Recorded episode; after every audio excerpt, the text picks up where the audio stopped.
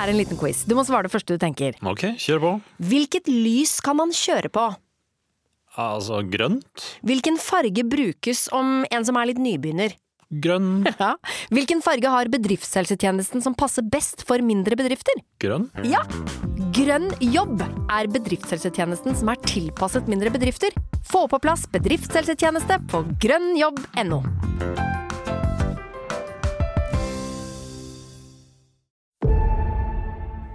Det er august 2019. På et hotell i Thailand oppstår det et basketak mellom to turister. En mann fra England og en mann fra Norge. Den engelske mannen dør i basketaket, og den norske mannen blir siktet for drap. I etterkant av dette bestemmer den norske mannen seg for å flykte fra Thailand, og har nå levd over tre år på flukt fra thailandske myndigheter. Dette er Roger Bullmann, etterlyst av Interpol. En podkastserie fra Avhørt. Del fem. Det var her i luksushotellet bak meg at en nordmann kvelte og drepte en britisk småbarnsfar 21.8 i år. Nordmannen er etterlyst av Interpol i 188 land. Mens kona til den drepte hevder nordmannen på brutalt vis angrep og kvelte briten til døde, mener nordmannen at det var han som handla i nødverge.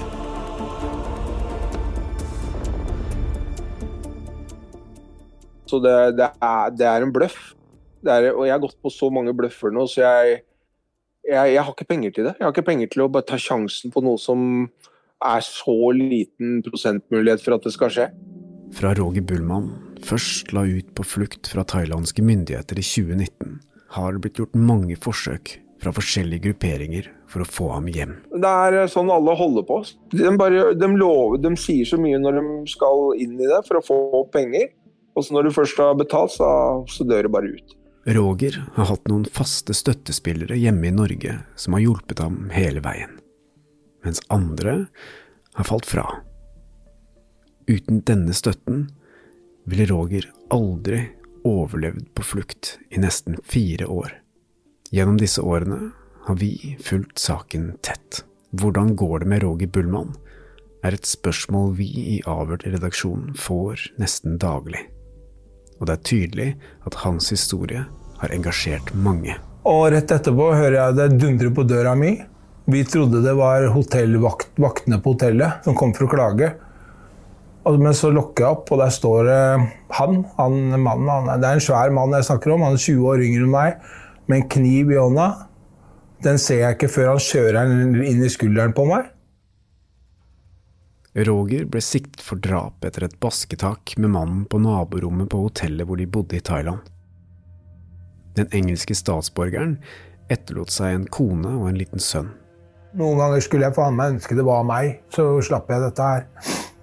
Så jeg, jeg ser på han som en Han mannen som en slags helt. Jeg, jeg, tenker han prøvde å beskytte den lille familien sin, som jeg ikke ante om uh, var der engang. Og at han ville sette en stopper for det der berginga, skrikinga og det der greiene mitt.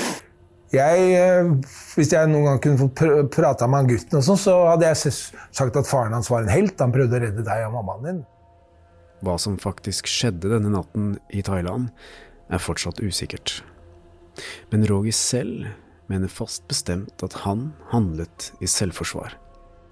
Mer enn noe annet ønsker Roger å komme hjem til datteren sin og ta straffen sin i Norge. Og det er flere som har lovet at de skal få ham hjem, men ofte har det ligget et økonomisk motiv bak. Og nå er Roger snart helt tom for penger.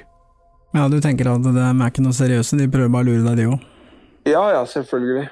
Hvis ikke så hadde de jo aldri gjort Hver gang jeg kommer med et uh, tilleggsspørsmål, så forandres hele planen til noe helt annet.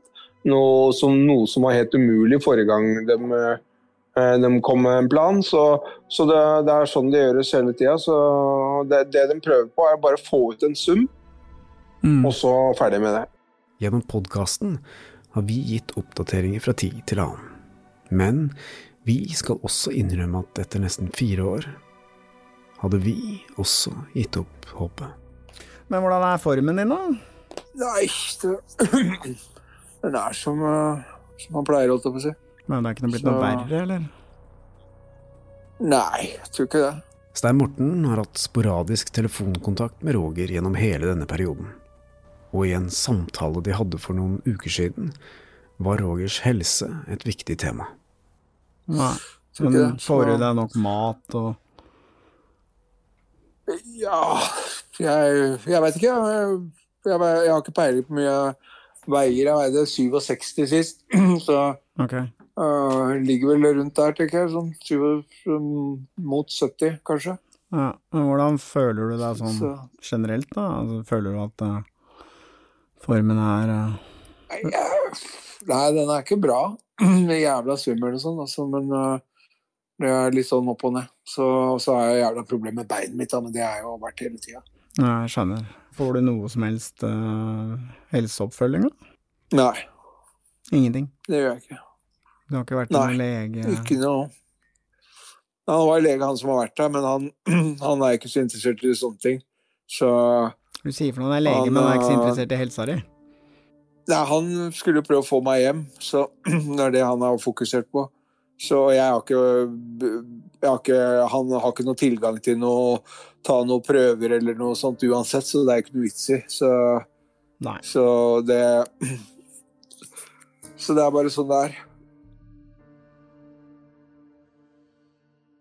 Ja, det begynner jo å bli eh, en god stund siden nå at vi ga ut noe egen podkastepisode om Roger Bullmann, og eh, grunnen til det er jo at eh, vi har jo ikke hatt anledning til å reise ned dit, vi har ikke hatt anledning til å observere og være med på de tingene som har skjedd, men vi har jo snakket en del med han det siste året, og det har jo skjedd en del ting som jeg tenkte vi skulle informere lytterne om nå, da. Allerede i fjor våres så reiste det jo ned en nordmann eh, for å få ham hjem. Og denne fyren var vel nede to ganger, reiste på første klasse på Roger sin regning, har jeg skjønt. Eh, skulle ikke fly noe økonomi, han, og eh, kom ned dit med et pass til eh, Roger, som han hadde skaffet. Roger har jo dette passet nå i dag, men problemet der er jo at det er ikke noe stempel. Det er ikke noe stempel inn i landet på dette Nei, det har vært passet. problemet hele tiden, fordi i fjor våres så fikk han et eh, pass uten stempel, da. Planen var jo at uh, de skulle da frakte Roger over til nabolandet med dette passet, fordi at de mente at de kunne bestikke seg uh, ut, og så uh, skulle de inn igjen, eh, slik at dette passet da, Roger da kunne få et innreisestempel, og vi veit jo det, vi har vært der nede et par ganger, at de er ganske nøye med dette innstempelet og utstempelet, det var jo stort sett det de var opptatt av da de leita, passet mitt i hvert fall. Ja, og det, det stempelet det er altså et bilde av en liten boks med en pil som går inn, som pek, den pilen peker inn i denne boksen. Da, da har du jo bare til- tillatelse til å være i dette landet så og så lenge, og så når du reiser ut igjen på flyplassen, da får du et eh, nytt stempel, og da er det bilde av den samme boksen, men da går pilen ut. Det er jo dette mm, bildet av denne boksen med pil inn, altså inn i dette landet, som Roger mangler i dette passet som han har fått. Ja, det er korrekt. Og eh, jeg skjønte jo da på Roger at eh, dette her eh, gikk jo ikke akkurat veldig bra. Fordi det var veldig mye fram og tilbake, og så fant de plutselig ut, den mannen som var der nede, at eh, det gikk jo ikke da Og så få Roger inn i nabolandet. De klarte ikke å få bestukket noen på grensa der, da. Til å få gjennomført det. Men var det ikke en sak med at det hadde vært en spesiell hendelse? En kar som hadde vært og, og over grensa der de, Ja, det de, hadde, som, de, hadde, de hadde eh, avslørt korrupsjon i, Ja. i eh, tollenheten der. Det hadde vært eh, ganske mye mediedekning faktisk nede i Asia om at eh, veldig mange av disse landene så var det korrupsjon og det var noen kriminelle nettverk som hadde benyttet seg veldig av det. Derfor så ble kontrollene på grensen eh, mye strengere med militært personell til stede osv. Derfor så var det ikke lenger så enkelt å bare betale seg eh, ut og inn, som var planen, da. Eh, jeg vet at denne fyren som var der nede, han gjorde også noen forsøk eh, opp mot det norske konsulatet.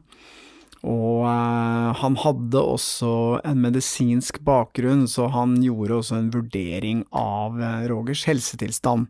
Og konkluderte vel egentlig med at han burde vært på sykehus.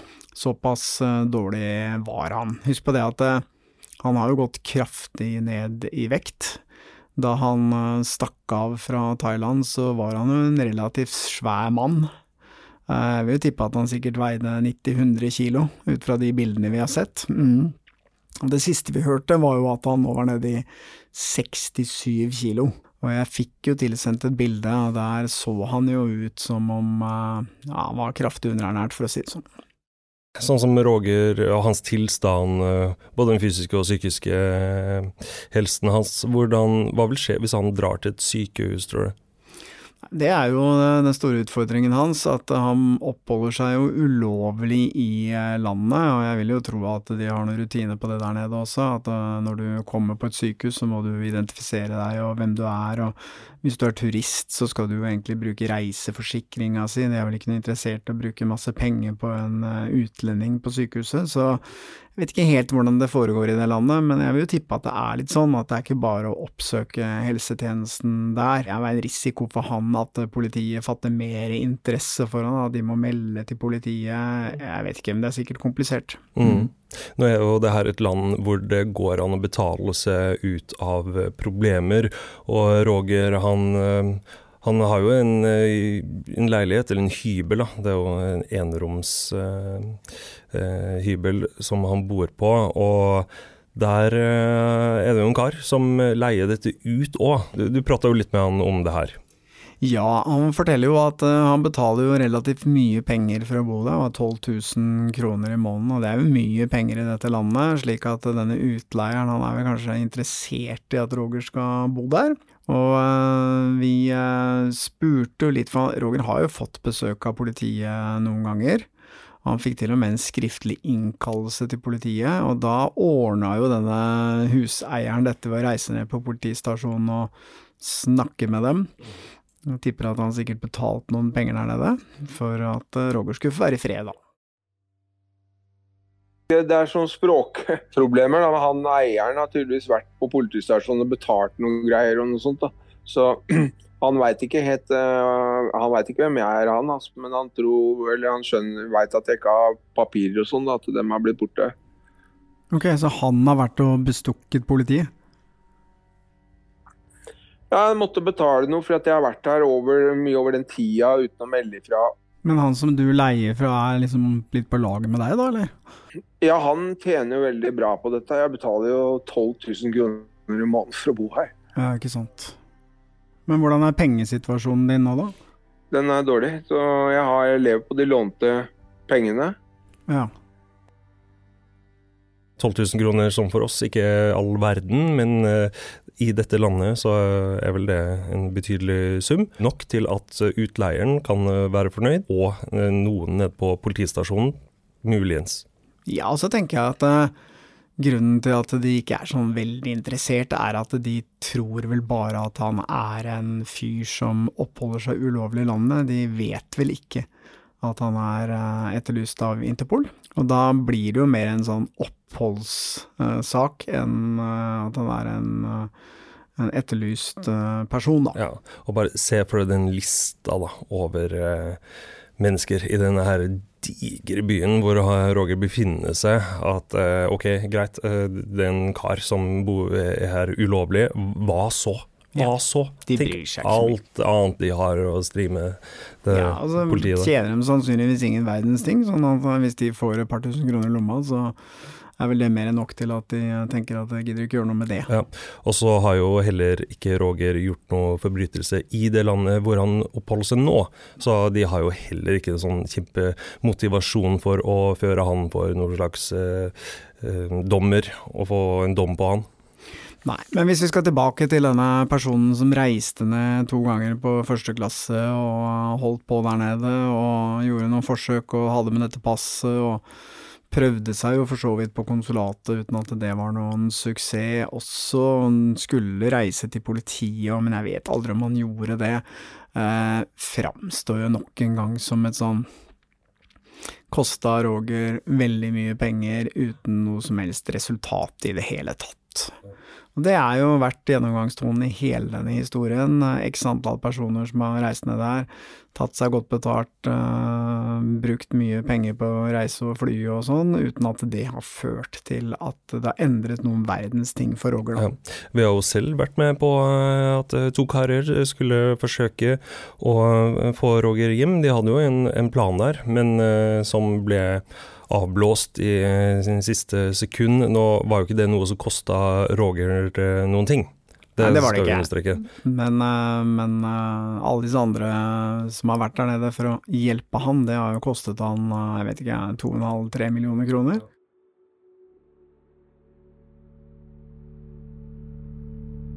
Forsto jeg det sånn på han at det ikke hadde gått så bra med men det greiene vi snakka om sist, du hadde jo en fyr der nede, hadde du ikke det? Jo da, han, han trakk seg, han. han øh, vi fikk ikke ordna noe på den grenseovergangen. Det gikk ikke. Vi kjørte med noen folk, og de ringte og ordna og, og sånn. Og det, de, de sa det, det går ikke. Så prøvde vi å ordne meg gjennom et sånt reisebyrå som han ene og dro hjem til sjefen hans. De, de turte ikke å prøve. Okay. Og så var det en her nede som skulle gi meg passet sitt. Ja. Og han trakk seg. Han var her, men han, for jeg fikk ikke passet hans. Det må jo være ekstremt frustrerende for Roger uh, når det kommer sånne tilbud. Og så, uh, nå tror jeg i hvert fall han sitter og tenker at, at, det her er jo bare Jeg kommer til å bli lurt igjen. Men, men likevel, så, hva, hva er alternativet? Hvis du sier nei, da skjer det i hvert fall ingenting. Så da ender det jo fort opp med at han bare sier ja, ok da, da, da får jeg bare prøve det, og så koster det nok igjen 400 000, 500 000, ikke sant? Ja, det er jo altså Man klamrer seg jo sikkert til et håp og tenker at denne gangen så øh, skal det skje noe. Altså, det er som du sier, hva er alternativet? Alternativet er at du ikke får noe hjelp i det hele tatt. Så det er klart, det er jo personer der ute som nå skal ikke jeg sitte her og si at ikke det har vært et redelig, hederlig forsøk på faktisk å få til et eller annet. Det veit vi ikke. Det virker jo litt sånn med denne personen i fjor våres, fordi det blei jo gjort en del Han forsøkte jo ganske mye, da. Du, du snakker om han som reiste ned på første klasse? Ja, han på første klasse, ja. ja, ja. Han var litt opptatt av å fly bra, da. Det er for så vidt greit, men, eh, men, jeg kan ikke si at han ikke gjorde noe, fordi ifølge Roger så gjorde han jo noe. Han forsøkte jo. Men uh, det endte jo med ingenting, det også. Og uh, da var det nok en person som uh, var der nede. Kommer det noen og henter meg her, da, sier jeg. Mm. I leiligheten. Nei, det var helt umulig. Men de kunne møte meg et annet sted. for jeg, Poenget var at de, de kunne få noe penger hvis de hvis de kom og henta meg, da, for da skjønte jeg at det var, faktisk var noen. Først så skulle de uh, hente meg på kaia her. Uh, i, det er en enorm havn, altså. Hente meg der uh, med en fiskebåt. Kjøre meg to timer ut på havet. Og der skulle jeg bytte over i et sånn kystvaktfartøy ut, midt ute på havet. Og så spurte jeg litt om det, og da bare gjorde de hele planen med en gang. Da skulle jeg plutselig dra 15 mil, og så skulle det, når jeg kom dit, så skulle jeg ringe. Også, for da skulle de ligge ute i havet der et eller annet sted med politibåt. Og da skulle de komme med politibåt og hente meg uh, når jeg ringte. da visste jeg, jeg, visste hva som skulle skje da. Da, det, da, hadde jeg dratt dit. Vi måtte betale på forhånd, selvsagt, en god del penger. Uh, og da hadde jeg dratt dit. Og så hadde jeg ringt, og så hadde det ikke skjedd noe. Og så hadde jeg bare fått høre at nei, den ble de, det gikk ikke. De ble stoppa av uh, kystvakter, så de måtte snu, liksom.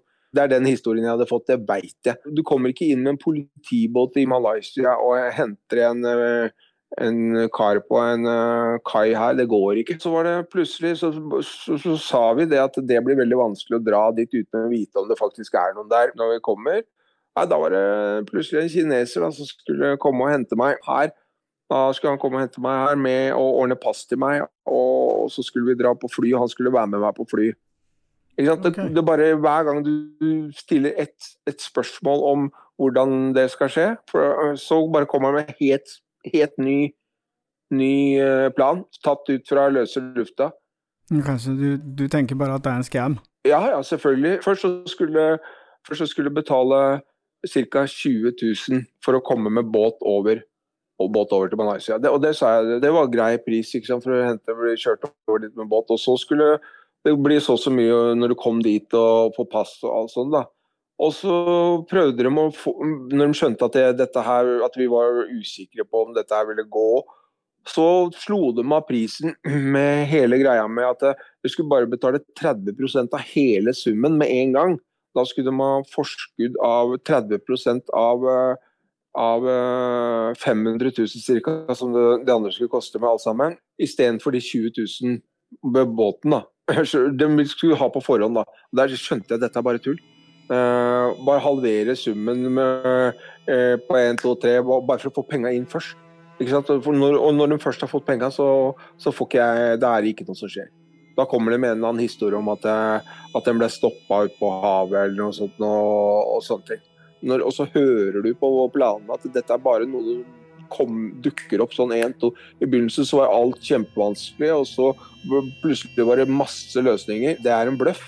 Er, og jeg har gått på så mange bløffer nå, så jeg, jeg, jeg har ikke penger til det. Jeg har ikke penger til å bare ta sjansen på noe som er så liten prosentmulighet for at det skal skje.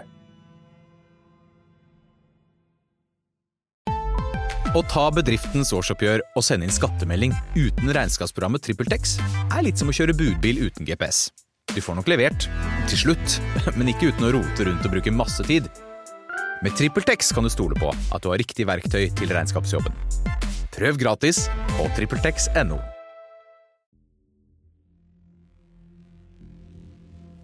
I snart fire år har Roger Bullmann følt seg lurt igjen og igjen. Og i de siste samtalene vi har hatt med ham, kan det virke som om han begynner å gi opp. Selv om flere av disse mislykkede forsøkene har foregått i hemmelighet, er det mange som har forsøkt å hjelpe Roger, som også har vært i kontakt med oss. Ja, jeg fikk jo en telefon fra en person som uh, har vært for så vidt litt involvert tidligere, og vært der nede. At de nå uh, hadde en uh, veldig klar via et nettverk i et annet land der nede, som mente at de fint kunne hente Roger og uh, frakta han igjennom sikkerhetskontrollen på flyplassen, og at de hadde rett og slett kjøpt en lane. Ja.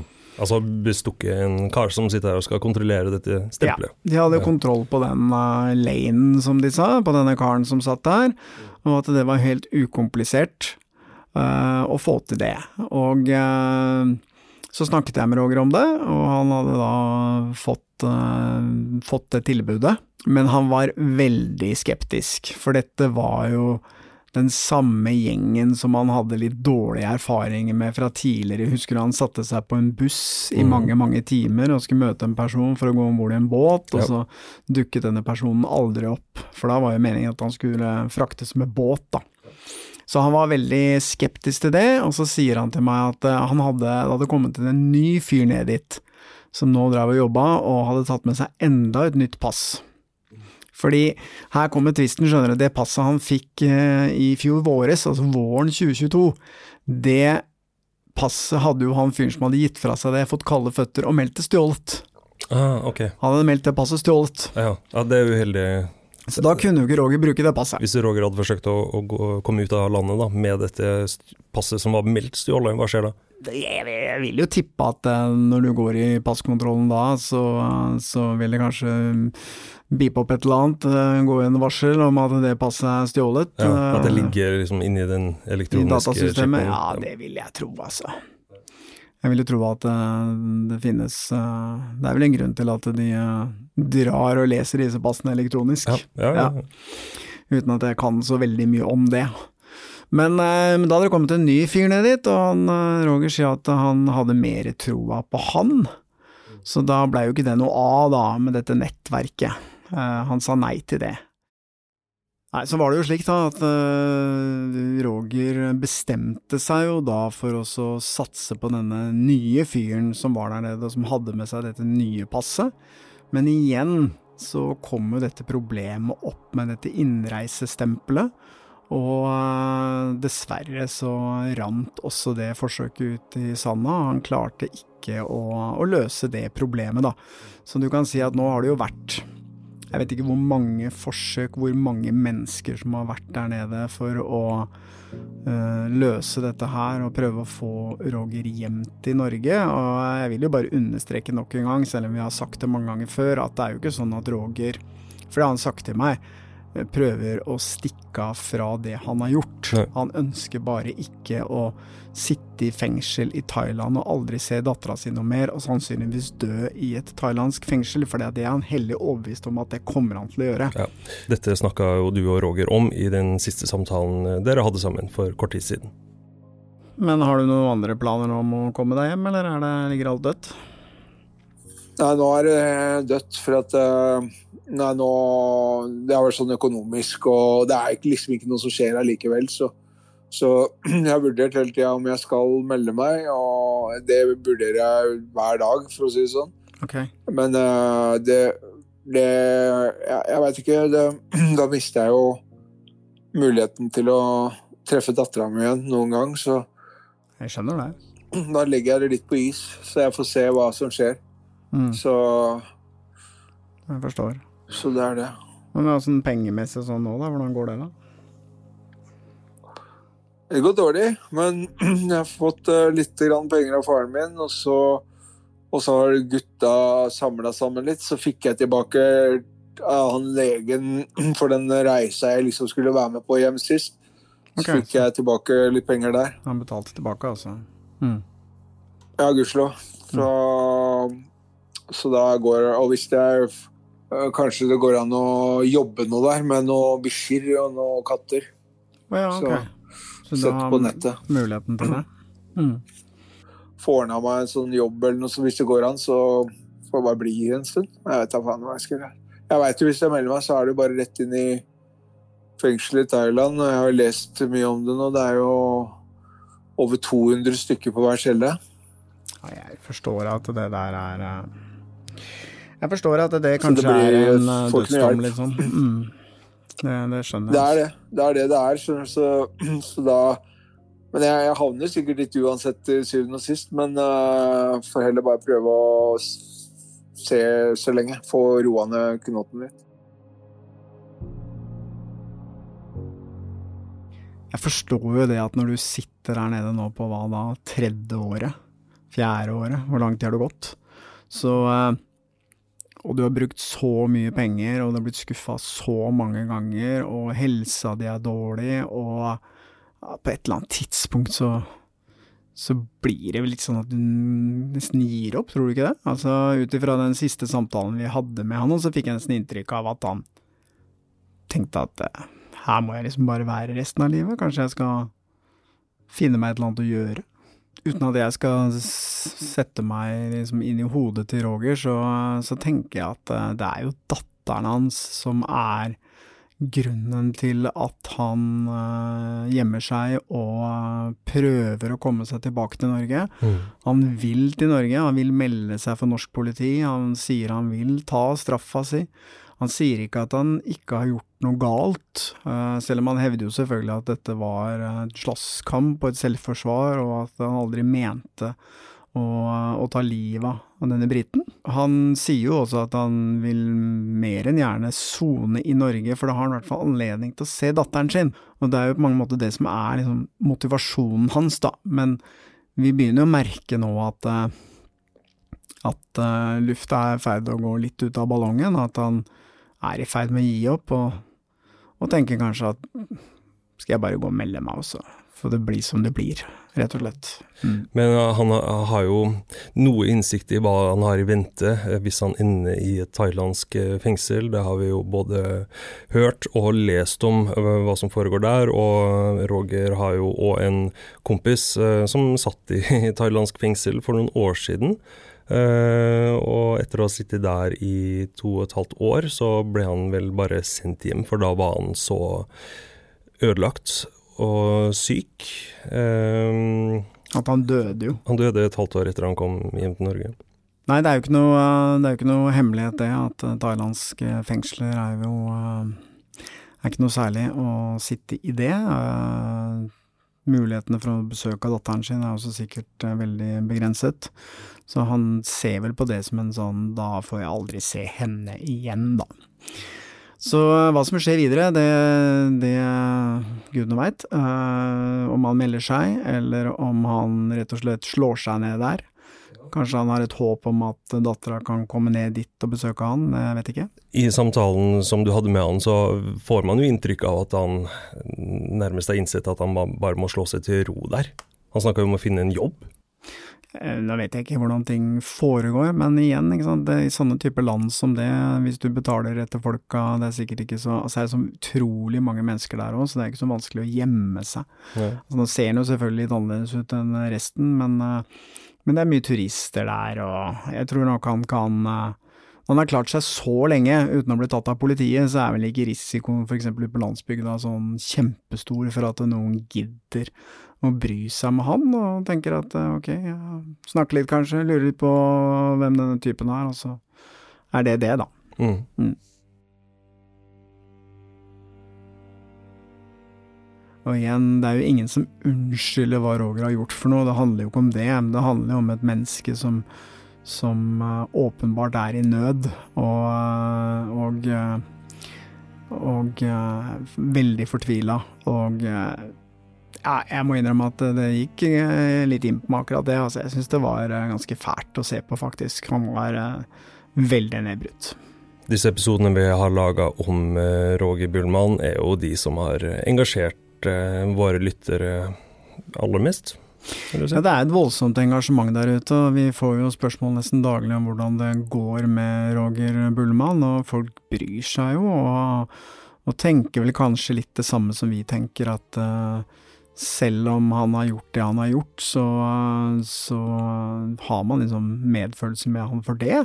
Mm. Og tenker at uh, det hadde vært fint om han hadde kunnet klare å komme seg til Norge, og så får han heller møte opp hos politiet, og så får han ta straffen sin, og så får han sone for det. Men, uh, men, det han har gjort, det tilsvarer jo ikke noen dødsdom.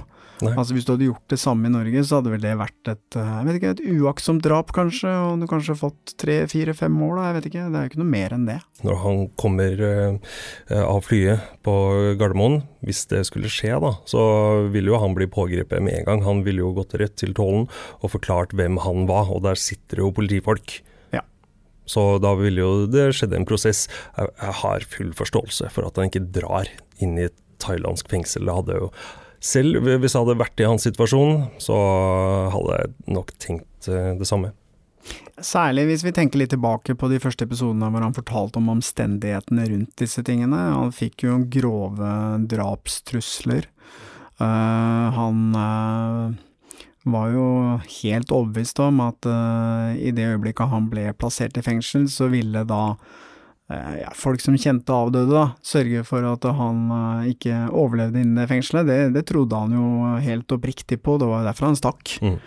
Og hvis du tar med da i tillegg det vi har snakket om tidligere, altså soningsforholdene, at sjansen for å overleve mange år i et sånt fengsel der nede er ganske liten. Og så må vi huske på at helsa hans er dårlig i tillegg, da. Han er jo ikke noen ung, sunn mann som tåler veldig mye. Jeg er overraska over at den kroppen hans har tålt det han har vært igjennom til nå, da.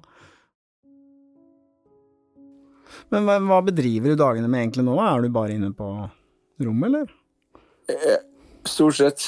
Jeg leser filosofi og skriver en del. Ok. Ja, For du hadde et bokprosjekt, hadde du ikke det? Du tenkte å Ja, jeg bare skriver uansett, jeg, så Men jeg, jeg, jeg, Det er ikke noe system i det. da, jeg Bare fram og tilbake og sånne ting. Så, men eh, mm. Men Har du blitt kjent med noen folk der nede, eller har du liksom knytta kontakt Ingen. med noen? Prater ikke med noen. Bare Prater. eieren var her oppe i stad, men det var pga. han fikk en mail av kompisen min. Så, ja. så gikk han opp hit og prata med meg. Ellers så prater jeg ikke med noen. Ingen, Men uh, hvordan påvirker det liksom mentale helsa di, liksom, at du ikke snakker med noen? Får litt noia, for å si det sånn. Så jeg har ikke noe lyst til å prate om det. Nei. Så det er slitsomt. Det er mm. slitsomt. Men jeg, jeg vet ikke hva jeg skal uh, gjøre. Uh, nei, det er ingen jeg prater med her, bare bortsett fra takk og ha det, eller hei og ha det, sier butikker. Mm. Det, det er det eneste jeg, kontakten jeg har med folk. Men jeg vil du skal vite én ting, i hvert fall. At uh, det er jo fortsatt, selv om det er lenge siden vi ga ut noen episoder om den saken din, så er jo folk veldig engasjerte. Det går jo ikke en dag uten at det ramler inn spørsmål om hvordan det går med deg. Så det er mange der ute som bryr seg, da. Det er det i hvert fall. Ja, det er hyggelig å høre. Det er ikke så mye vi kan svare annet enn at du ja, ting er liksom det samme. Men øh, det skal du vite at det, det renner inn absolutt hele tida. Ja, det er hyggelig. Folk bryr seg, altså. De gjør virkelig det. Altså. Du er liksom ikke glemt. Det er ikke det. Det er hyggelig å høre det.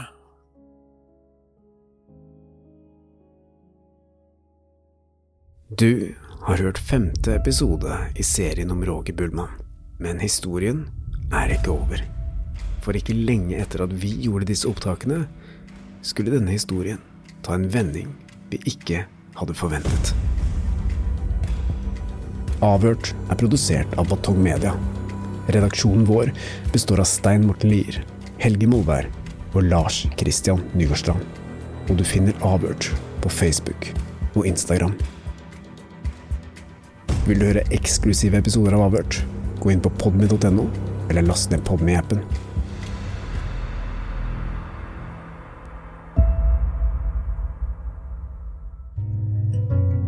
Hvis du setter pris på Avhørt og syns at den jobben vi gjør er viktig, så kan du støtte oss ved å vippse til 8075 99, eller søke opp Batong Media i vips appen Og vi setter stor pris på alle bidrag, store og små.